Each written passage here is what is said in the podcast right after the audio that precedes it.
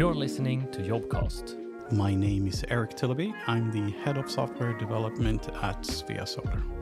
In my role here at Svea Solar, um, I'm working a lot with with the entire organization. So I'm, I'm basically the person that facilitates uh, what everybody is doing within the different teams.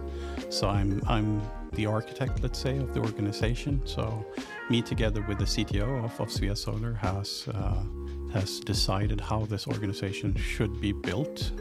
And right now we are working to, to get to that point where we feel that we, we can move forward, and especially going into next year, which will, will be a really big year for us.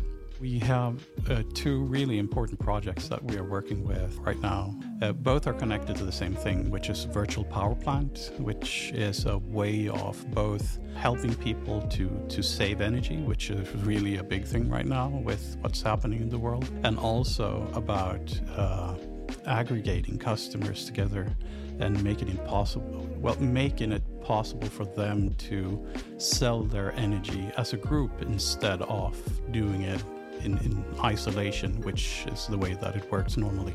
My name is Cecilia Rush, and I work as a cross uh, QA lead here at Svea.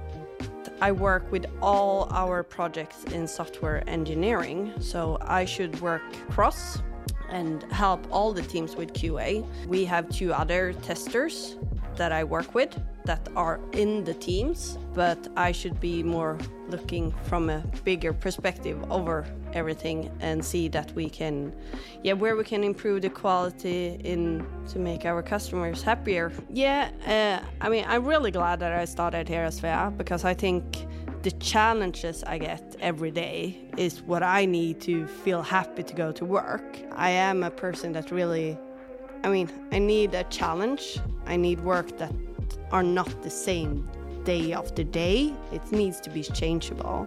Uh, so, yeah, and I would say that most of the days aren't the same. We're not really looking for personality, but uh, when when we're looking at the competence that we're looking for in the, in the quality assurance space, it's actually it differs as we have both front end uh, heavy applications and back end heavy applications.